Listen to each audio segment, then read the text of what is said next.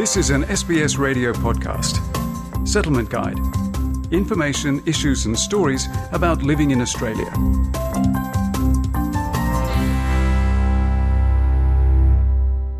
SBS acknowledges the traditional custodians of country and their connections and continuous care for the skies, lands, and waterways across Australia.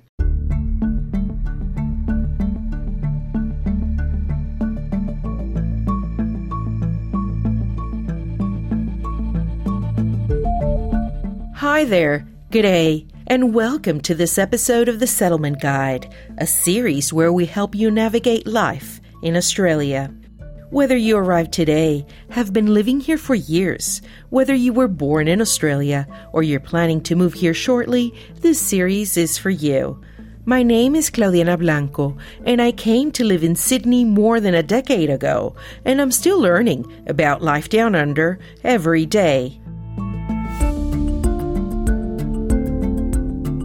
Today, we will explore how to access abortion services in Australia. Although women have access to early pregnancy termination options across the country, these essential healthcare services are not always clear or widely known. Women should be reassured that if they require an abortion and present to their doctor, that at the least the GP should refer them on to the appropriate service if they don't provide the service themselves. We do have conscientious objection clauses in the law that require doctors to refer women to other providers if they have a religious or other objection to providing abortion or discussing abortion. Today, we will talk about a number of services in place to help women navigate their choices in line with their personal circumstances. Let's get started. Around 40% of Australian pregnancies are unintended. Of those, approximately 30% end in abortion, with most terminations occurring before 12 weeks into the pregnancy. Professor Danielle Mazza is the head of general practice at Monash University. She says previously strict abortion laws have been increasingly relaxed over the past few years. Abortion is now decriminalised in Australia, which means that it is a legal procedure and is able to be accessed through the healthcare system. The issue is that legal doesn't mean available. Uh, it's one thing to make it legal, and it's another thing to have it available and accessible to women because the availability of it depends on the workforce to be able to provide it. A decade ago, the majority of women had surgical abortions, usually in private facilities. With medical termination now offered as an alternative, accessibility is gradually increasing. However, only 10% of GPs are registered to prescribe the required medication, and the pathways to these services are not always easy to navigate. Abortion legislation is state based. Professor Mazza explains there are differences depending on where you live. Victoria is the most liberal in terms of its laws, but other states have, for example, gestational limits as to how far into the pregnancy an abortion is allowed. The states have rules around who can give authority for an abortion once the abortion is occurring late in the pregnancy say, beyond 20 weeks.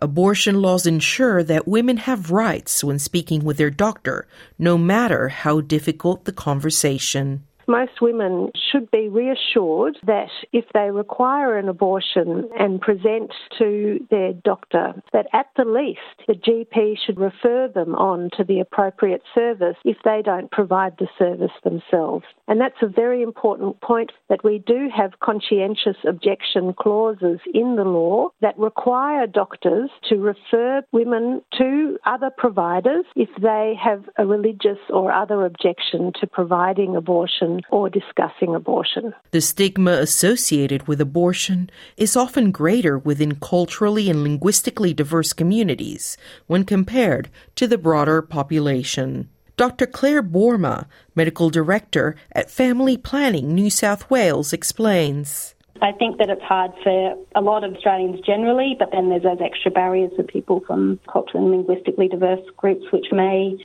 not be talking about sex and relationships and accessing sexual health services generally, or might have additional cultural and social contextual factors that make it more challenging sometimes. Compounding this, migrant and diverse women often tend to see doctors from similar cultural backgrounds, which may create anxiety around how the doctor will react. Accessing abortions is also location specific, and often there's not one clear path to follow. Dr. Boerma says your GP should know what local services are available. They can then conduct initial tests to confirm how far along a woman is in her pregnancy.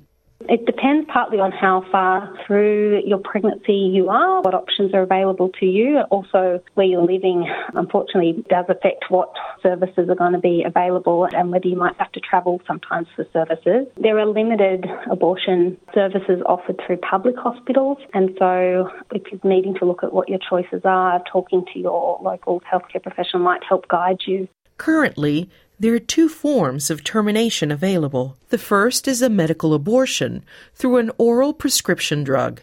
This option is available only for women who are under nine weeks pregnant. Professor Mazza explains. A medical abortion is akin to a medically induced miscarriage. The doctor will counsel her about that, check to make sure that the pregnancy is not an ectopic pregnancy. Then she can be prescribed the medication, and that medication causes the pregnancy to be expelled, as it would be if she were having a miscarriage. So, medical abortion can occur at home with the woman supported by her friends or her family. The medication is provided by some GPs, private clinics, and family planning services. It may be issued via a telehealth phone or video consultation, which benefits access for patients in rural areas. The second option is a surgical procedure. Many women don't want to necessarily have to manage what is essentially going through an early miscarriage at home and would prefer a surgical option whereby they are admitted to a day clinic or a hospital and have a very light anaesthetic and then the abortion takes place surgically like a curette and then they can go home and it's all over. And surgical abortions can occur beyond nine weeks gestation, although the majority of them occur before 12 weeks. To locate a service, you can speak with your GP or contact one of the national or state based referral services. One of these is Health Direct, a free national 24 hour helpline that connects you with a registered nurse. In Victoria, women can call the 1 800 My Options information line. Those in New South Wales can contact the Pregnancy Choices Helpline. Dr. Boerma says family planning clinics also provide different services across Australia. There's family planning services in each state and territory of Australia, so getting in touch with your local family planning service can be a good way to get some initial information about the options that are available to you and where you're located. The one in New South Wales, we're providing medical and surgical abortion options now for patients less than 15 weeks gestation.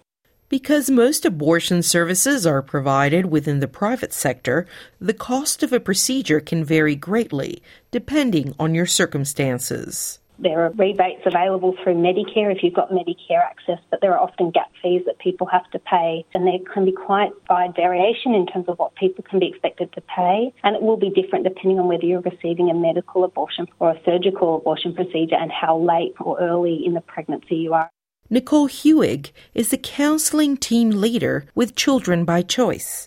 She says even if you have private health cover, insurances differ we actually find that majority of the women that we work with are, are not able to access their private health insurance, that it is not covered by their private health insurance and they have to pay full costs. So private health insurances, which, you know, majority of international students need to have to be in Australia, generally cover termination services within a tertiary hospital, but not within a secondary hospital like the day surgeries, which is where most of our surgical terminations do happen.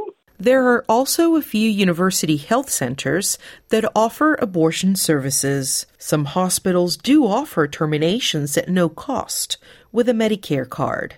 Otherwise, if you're seeking a medical abortion through a private clinic, the medication itself can cost up to $500. Ms. Hewig explains.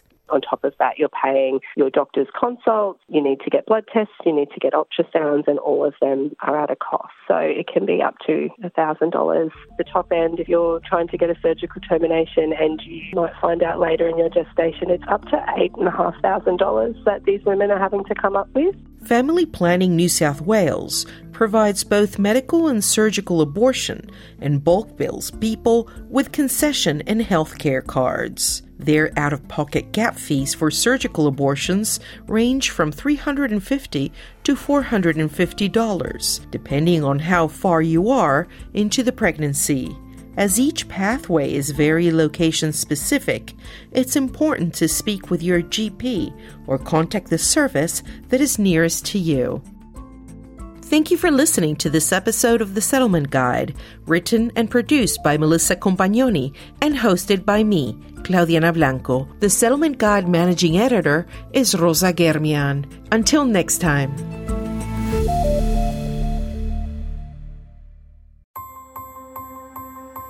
This was an SBS radio podcast. For more Settlement Guide stories, visit sbs.com.au/radio.